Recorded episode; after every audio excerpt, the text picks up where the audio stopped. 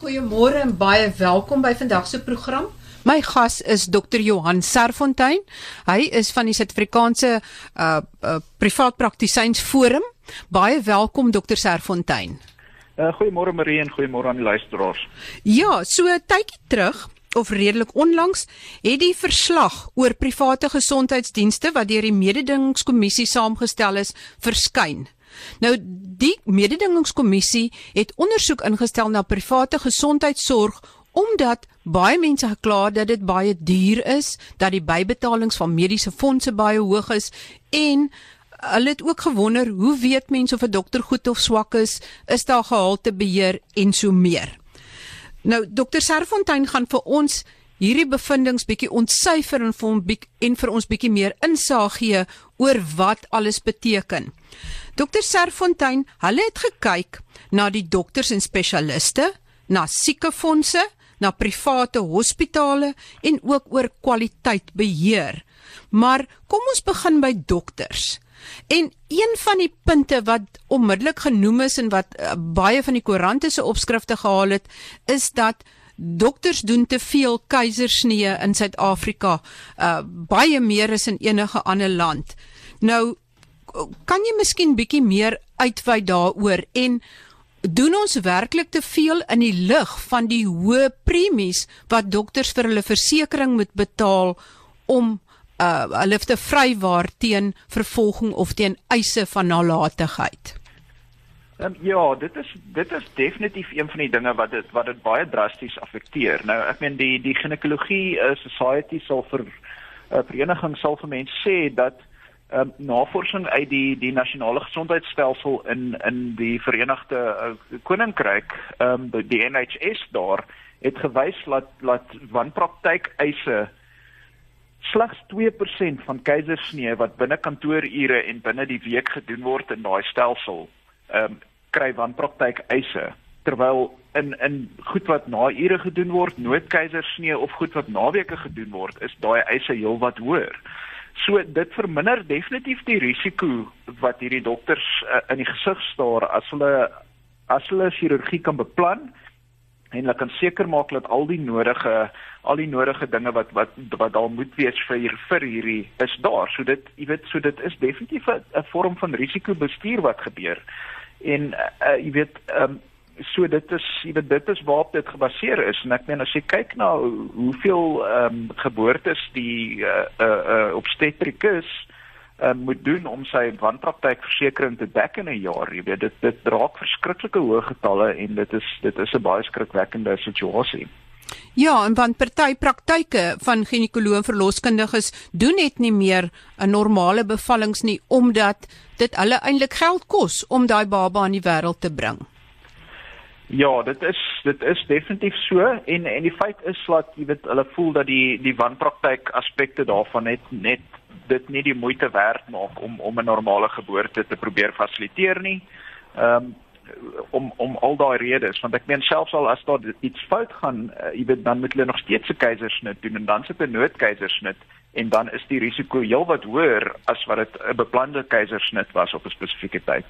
Ja, en dit is ook baie interessant dat as die baba gebore word selfs 'n hele klomp jaar later as mens dan uitvind dat daar iets fout is, dan kan die uh pasiënt of die pasiënt se ouers nog steeds eis teen die dokter. Weet dit is dit is nogal skrikwekkend. Ja, dit is want die, die daar is basies um, die pasiënt het, het 3 jaar na hulle 18 word om nog 'n eis in te stel teen die dokters sou hulle ouers dit nie in die tussentyd reeds gedoen het nie. So dokters moet basies vir 21 jaar lank ehm um, verantwoordelikheid aanvaar uh uit 'n regsmediese oogpunt vir enigiets wat kon fout gaan tydens 'n geboorte, jy weet. So dit is dit is 'n groot kommernis kommerwekkend in in die industrie en en mens kan nou sien in die staat waar keisersnee nie die die normale manier is van dinge doen nie, hoe hoog hulle hulle wanpraktyk besteding is en die en die eise wat teen die staat ingestel word as gevolg daarvan.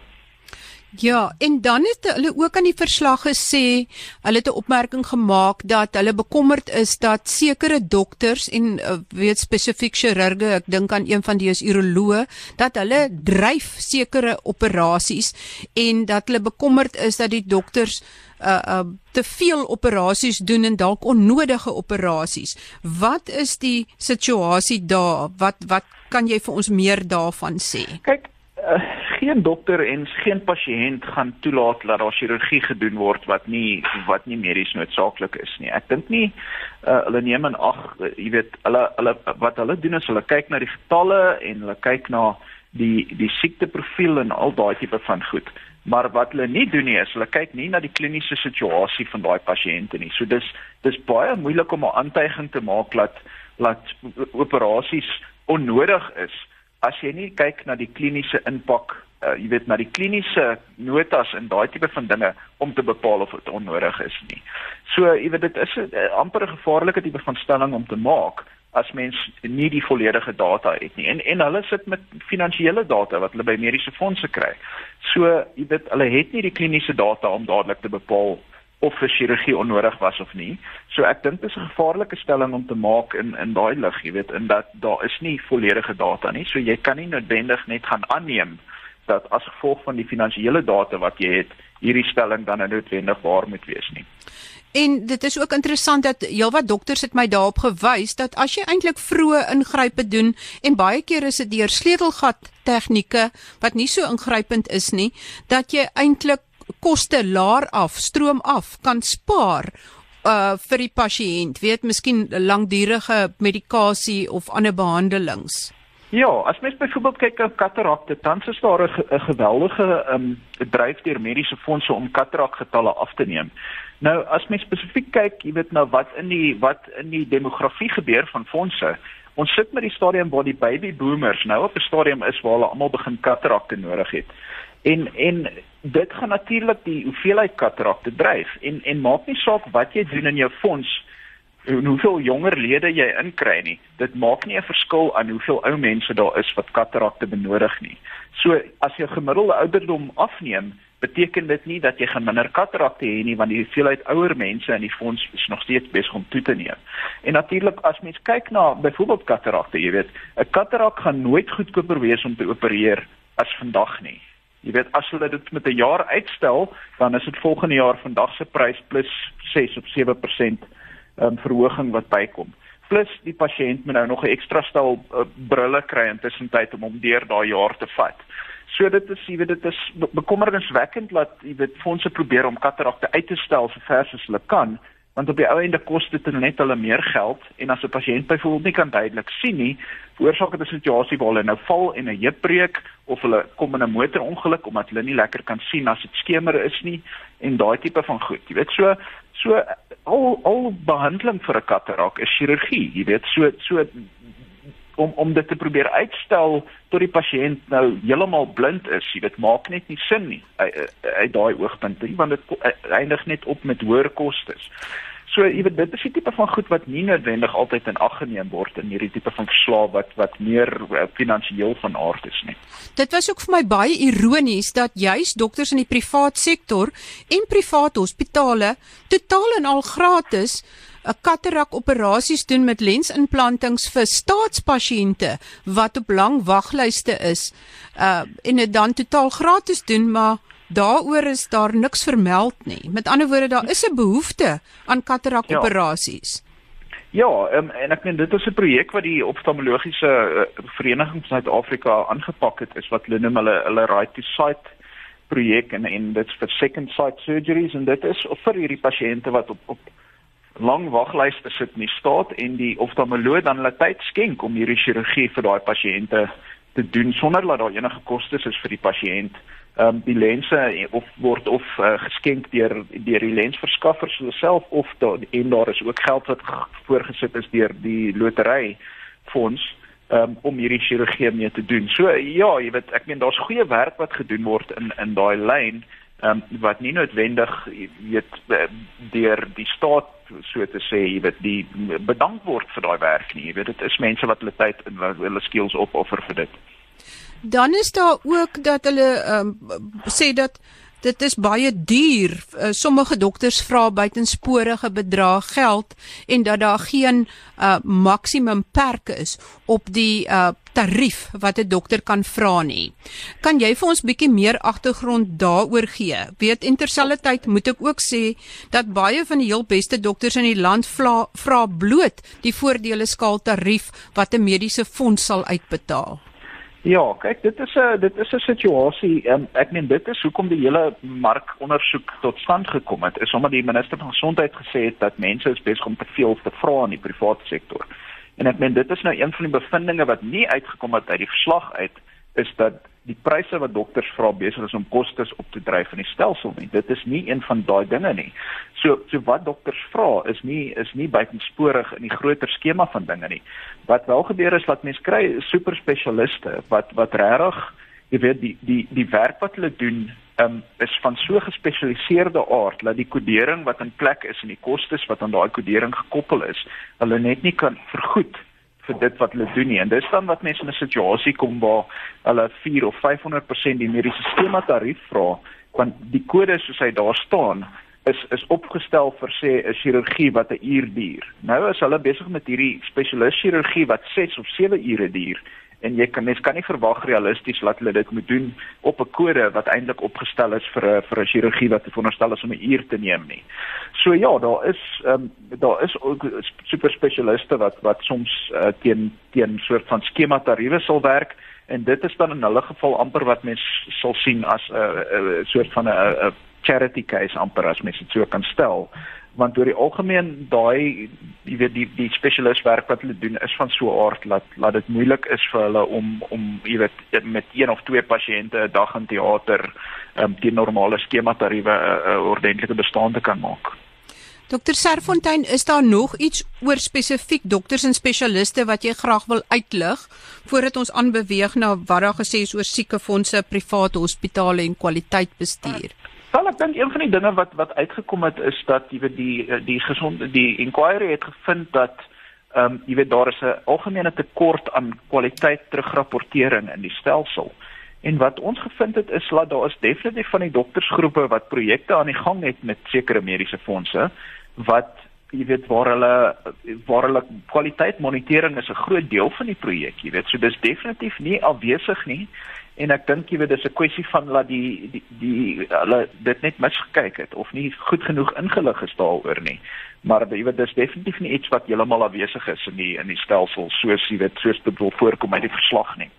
Ja, goed, ons kom ons kyk aan na kwaliteit beheer en en ehm um, wat ek ook agtergekom het en nie noodwendig uit die verslag uit nie, is dat hoewel baie private hospitale sê dat hulle gereeld kwaliteit beheer doen, uh, het dit nie onder my aandag gekom dat hulle na elke liewe pasiënt waar daar iets skeefloop of so dat hulle wel uh, ordentlik daarna kyk nie. Weet en ek praat nou van die hele span van verpleegkundige tot dokter tot uh hospitaalbestuurder en uh weet dit dit nie noodwendig gebeur nie. Ja, kyk ek ek dink wat wel gebeur is daar is case managers in die hospitale wat na wat na spesifieke gevalle kyk en ek dink as daar probleme is word dit aangemeld. Natuurlik wat wat die ideale situasie sou wees is dat daar 'n multidissiplinêre span vergadering sou wees as daar iets fout gegaan het met 'n pasiënt om te bepaal wat die redes is en daai tipe van goed die die groot probleem daarmee is die manier hoe mediese fondse se ehm um, se betalings ges, ge, ge, gedoen word beteken dat dat niemand in daai span sou betaal word vir so 'n tipe van vergadering nie. So dit dit sal iets wees wat hulle op hulle eie tyd moet moet doen um, en en dokters effektief verkoop tyd. So as mens as mens jy weet moet moet tyd spandeer aan so tipe iets dan moet daar een of ander tipe van vergoeding eh, in die in die stelsel wees, jy weet. So daai aspek is al besig.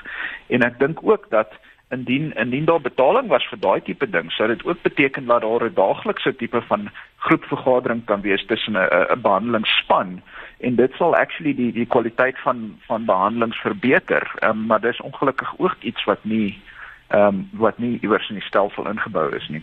Dink jy nie die private hospitaal self behoort dit in te bou en seker te maak dat dit wel gebeur en nie dokters dan vergoed daarvoor nie?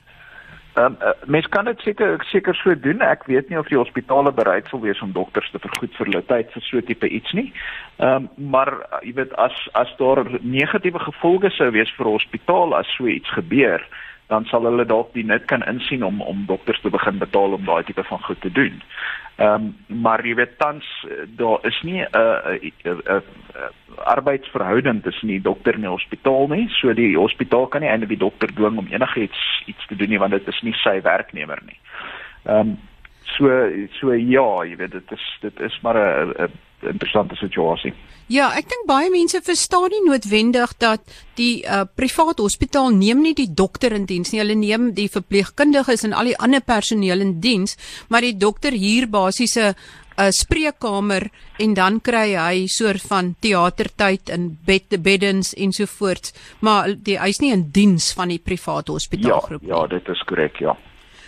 Dokter Serfontein, Uh kom ons kyk na siekefondse. Ek bedoel baie mense is bitter bekommerd oor die hoë bybetalings en dan het die verslag ook gesê dit is die siekefondse het so baie opsies en dit is so ingewikkeld dat dit baie moeilik is om dit te vergelyk en hulle het sommer gesê die siekefondse doen dit doelbewus sodat jy dit nie kan vergelyk nie. Gee vir ons bietjie jou insigte oor die siekefondse. Ja, kyk die die siekefondsbedryf is is geweldig kompleks op hierdie stadium en ehm um, ek dink dis een van die an, die een van die probleme is dat die die makelaars ehm um, wat eintlik verantwoordelik is om om pasiënte in te lig oor oor wat hulle ehm um, waar waarvoor hulle mag eis en wat hulle geregtig is op is nie besig om daai werk effektief te doen nie. So wat dan gebeur is pasiënte is op die die volksie mediese plan en dan verwag hulle tipe van die Porsche behandeling, jy weet. En en dit is een van die groot probleme is dat mense het groot verwagtinge vir wat hulle fonds aan hulle moet bied sonder dat hulle noodwendig bereid is om te betaal vir die hoër opsies waar hierdie dinge moontlik is. So 'n persoon moet moet besef dat as jy probeer geld spaar deur op 'n goedkoper opsie te wees, gaan jy minder dienste hê wat gedek word deur daai opsie en jy gaan nie noodwendig so baie keuse hê as as wat se dienste jy wil hê nie. So dis een van die goed wat opgekom het. Ehm um, die ander ding is natuurlik is is daar 'n standse proses aan die gang by die by die skema vir mediese die mediese skema raad om die die PMB benefits te verander na 'n diensgebaseerde ding toe. Nou ek meen dit is 'n projek wat wat moontlik 4 of 5 jaar gaan neem as mens kyk na die hoeveelheid werk wat daarin betrokke is, maar sodra daai proses in plek is, sal elke skema verwag word om daai selfe stel dienste as soort van 'n basiese pakket aan te bied en dan kan daar soort van moduletjies bykom wat dan 'n top-up is as jy 'n ekstra cover wil hê vir tandartse byvoorbeeld dan sal jy bybetaal daarvoor of vir hierdie of vir daai. En sodra jy 'n standaard standaard pakket tussen planne het, dan kan mens actually uh, as 'n verbruiker sal mens begin kan kan die een kan vergelyk met die ander en dan besluit waar wil jy aansluit en wat sal vir vir jou sak die beste beste opsie wees in daai uh, omgewing. En en is daar enige raad of oplossing vir die hoë bybetalings wat uh, party pasiënte moet maak of baie pasiënte moet maak? Ja, daar is daar is in die die nuwe mediese fondswet wat konsepwet wat uitgekom het die ander dag is daar 'n aanduiding dat daar sal nie bybetalings mag wees vir enige van hierdie dienste wat in hierdie nuwe dienspakket ingesluit is nie. Ehm um, so fondse sal uh, moet betaal 100% vir al vir al daai tipe vir alles wat in daai dienspakket is. So daar is daar is planne in plek om te probeer kyk om bybetalings te sny. Ehm um, natuurlik sal dit heel moontlik moet gepaard gaan met een of ander tarief tariefbepaling van van iewers af. En ehm um, die die vraag is altyd dieselfde met hierdie superspesialiste waaroor ons vroeër gepraat het. As daar 'n tariefbepaling is en dit sê jy mag nie 'n bybetaling uh, vra vir vir dienste wat 'n PMB is nie, is die vraag altyd hoe gaan daai superspesialiste ehm um, daai diens kan lewer as hulle slegs betaal word teen die vasgestelde tarief vir, vir hierdie VM nuwe stel PMB's en hulle mag nie 'n bybetaling vra vir addisionele kostes nie. Ehm um, so dis een van die goed wat mense baie sterk aan sal moet dink in so 'n tipe omgewing. As jy weet, is daai toegang tot superspesialis sorg.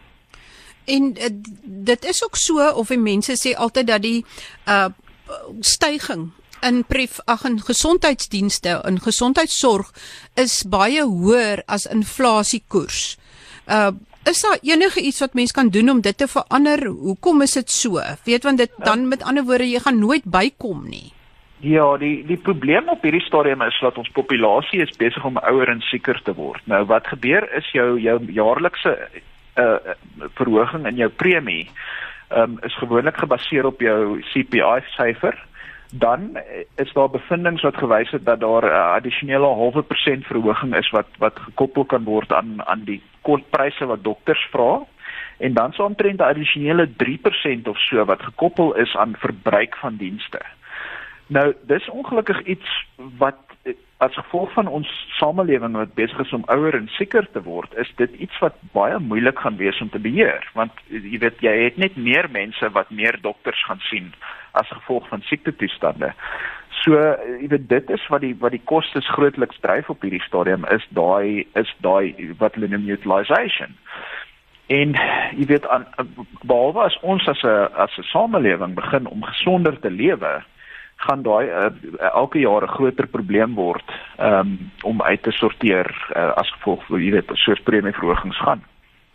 En as ons kyk na private hospitale, dit is uh, in die eerste plek baie duur en ehm um, en die mededingingskommissie het ook gesê daar's nie genoeg mededinging nie want drie groot hospitaalgroepe beheer meer as 80% van die mark, maar hoe kan 'n klein hospitaalgroep kompeteer? met hierdie is dit nie juist soort van uh um dat die volume eintlik die kostes dat dit meer ekonomies is hoe groter ja. dit is nie. Dit is dit is presies die probleem wat daar is. Is dat hierdie drie groepe, dit is geweldig duur om hospitale op te sit. So as jy is 'n as 'n nuwe intreder tot die mark wil begin hospitale bou, jy het geweldige hoeveelhede geld nodig om 'n hospitaal te bou. Jy weet, jy ou kyk na ten minste 'n miljard rand per hospitaal om die ding op te sit en aan die gang te kry. Nou nie baie mense het daai tipe van geld wat rond lê om om die ding te begin nie. So ja, die feit is daai daai drie is reeds in die mark en natuurlik as dit kom by administrasie, jy weet, in daai tipe van goed dan ja, dan het hulle die, die ekonomie van van skaal. Ehm um, so dit is vir hulle goedkoper om om die ding te ran soos hy tans is. Die probleem is as as die die kompetisiekommissie het aangedui dat hulle hulle wil die mark perk die die markgrootte per hospitaalgroep beperk tot 20% van die mark. En natuurlik as as dit gebeur in die gesondheidssektor, dan is daar baie ander sektore wat wat gaan voel dit is 'n gevaarlike teken en dat jy weet hulle gaan dit teenstaan want volgende ding is jy sê vir die dit vir die supermark uh jy weet vir die supermark ouens of iets in daai lyn. So dit is is moontlik 'n bietjie van 'n overreach aan die kant van die kompetisiekommissie om daai aanbeveling te maak want want dit het vreeslik heelwat wyeer impakte as net die gesondheidstelsel en natuurlik die oomblik as as daai groepe met kleiner word dan het mens nie meer daai ekonomie van skaal wat lê as wat uh, teen uh, jy weet um uh, jy weet vir die, vir die administrasie en al daai tipe van goed nie. So dis nie te sê dat dit noodwendig gaan beteken dat die dienste gaan goedkoper word as dit die geval is nie. Ja, dit was nogal vir my 'n ontstellende uh, bevinding of aanbeveling. Dr Serfontein, dan net om af te sluit, wat is die oplossings? Moet alle mense wat werk net aan 'n siekefonds behoort en 'n ordentlike een sodat daar meer mense is? Uh moet hulle beter beplan, moet hulle gesonder lewe? Wat is die oplossings in 'n in 'n netedop? Wel, een van die dinge wat definitief die die pryse vir almal sal afbring as as dit 'n uh, uh, verpligtend is om aan 'n mediese fonds te behoort as jy 'n uh, 'n uh, in in diens is van van 'n uh, maatskappy of iets in daai lyn. Dit sal beteken jy weet dat die hoeveelheid mense op mediese fondse met 6 of 7 miljoen opgaan en en die oomblik wat dit gebeur dan dan sal die fooie jou premies wat jy jaarliks betaal met 20% val vir almal wat wat lede is van die fonds. So dit is definitief een manier om die kostes af te bring. Natuurlik die ding is die die die staat is nie lyk nie of hulle lus is om daai pad te volg nie want die want die ehm um, die vakbonde ehm um, jy weet wat nou groot ondersteuners is van die regering is nie noodwendig gaan nie noodwendig saamstem om dit so te doen nie. Um, jy weet die vakbonde is nou heel wat agter die NHI aan, jy weet so hulle hulle gaan nie iets doen en en as ons hierdie kan doen in die privaat sektor word goedkoper en meer mense het toegang tot die privaat sektor op daai manier, dan beteken dit amper dat ons nie noodwendig die NHI nodig het nie. En dit is hoekom die regering nie spesifiek lus is om om um, om daai stap te neem nie, jy weet want want een van die groot redes wat hulle gee vir die nasionale nasionale gesondheidsversekering is die kostes in die privaat sektor en skielik as die kostes dan nou afneem, jy weet dan dan is daai been van hulle argument uh, daarmee heen. Ehm um, so ja, definitief ons soek meer mense op mediese fondse. Dit sal die kostes afneem en veral die jonger jonger gesonde mense, jy weet. Ehm um, dit dit sal ook. So uh, as hulle kan kyk na die die wat hulle noem die low cost benefit options wat wat 'n ander stel verpligte dienste sal hê wat hulle moet dek dan gaan daai fondse gaan goedkoper wees en dit sal dan die kostes laat afneem en ook wat hulle noem die risk equalization fund. In in 2007 sou dit geïmplementeer gewees het waar die risiko tussen in plaas van dat elke fonds sy eie risiko dra word die risiko eweredig versprei oor al die fondse En wat dit dan beteken is dat uh, dit beteken ook dat die die stelsel heelwat goedkoper sal word vir almal, um, wat die verbruikers wat dit betaal. So daai is 'n voorstel wat ook in die in die in die ding is en ons hoop dat dit sal gebeur want dit sal dan beteken dat ehm um, dat die kostes vir almal sou afneem in die stelsel. Is jy hoopvol dat alles uh beter kan uitwerk? 'n Ja of 'n nee? uh ons hoop so. Ehm um, die probleem is natuurlik hierdie is net aanbevelings. Dit hoef nie toegepas te word deur die gesondheidsdepartement nie. Ehm um, en daarin lê die gevaar is dat eh uh, jy weet die die idee is dat indien alles wat hier voorgestel word geïmplementeer word, dan gaan die private sektor heelwat meer uh, heelwat beter funksioneer. En ehm um, jy weet so dit dit gaan politieke wilskrag vat om die goed so te implementeer en um, ons weet nie of hulle alles so gaan implementeer nie en as hulle net dele daarvan doen dan gaan dit nie noodwendig die probleme oplos nie. Baie baie dankie aan Dr. Johan Serfontein. Hy is van die Suid-Afrikaanse uh forum vir privaat praktisyns en hy het vir ons meer insig gegee oor die verslag en die bevindinge oor private gesondheidsdienste. Uh Ek moet sê ek verkies eerder die private gesondheidssektor as die staatssektor en beslis bo die nasionale gesondheidsversekering wat aanbeveel word, maar dis maar my mening. Tot volgende week wanneer ons weer gesondheidsake gesels. Totsiens van my, Marie Hudson.